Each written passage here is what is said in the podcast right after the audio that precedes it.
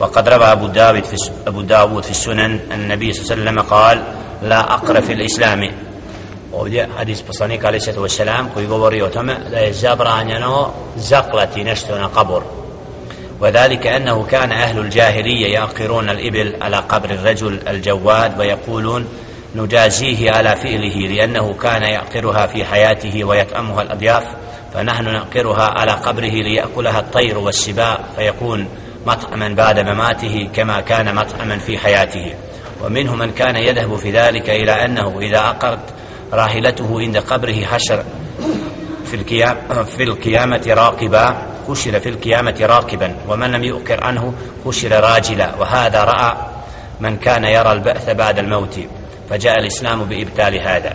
ovdje postupak džahilijeta da su bili od onih koji kad neko koji je bio plemenit koji je daražljiv i udjeljivao za života kad bi umro zapali bi ibil devu na kaburu toga umrloga da jede životinja i ptica i nešto kaže kako god je bio plemenit dok je bio živ isto tako je nakon smrti plemenit. Znači taj postupak je bio postupak džahilijeta.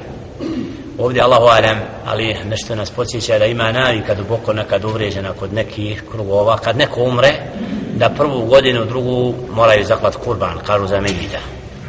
To često posjeća da to nije ono što je prava svrha kurbana da je ostavio vasijet oporuku nakon moje smrti zakoljite kurban kao dobro djelo onda ćemo izvršiti ali da bude obaveza da nešto me posjeća na ovo što su džahilijetu znači kad neko umre kao da se nastavlja njegova dobrota za, za kolje kurban da drugom udjeliš.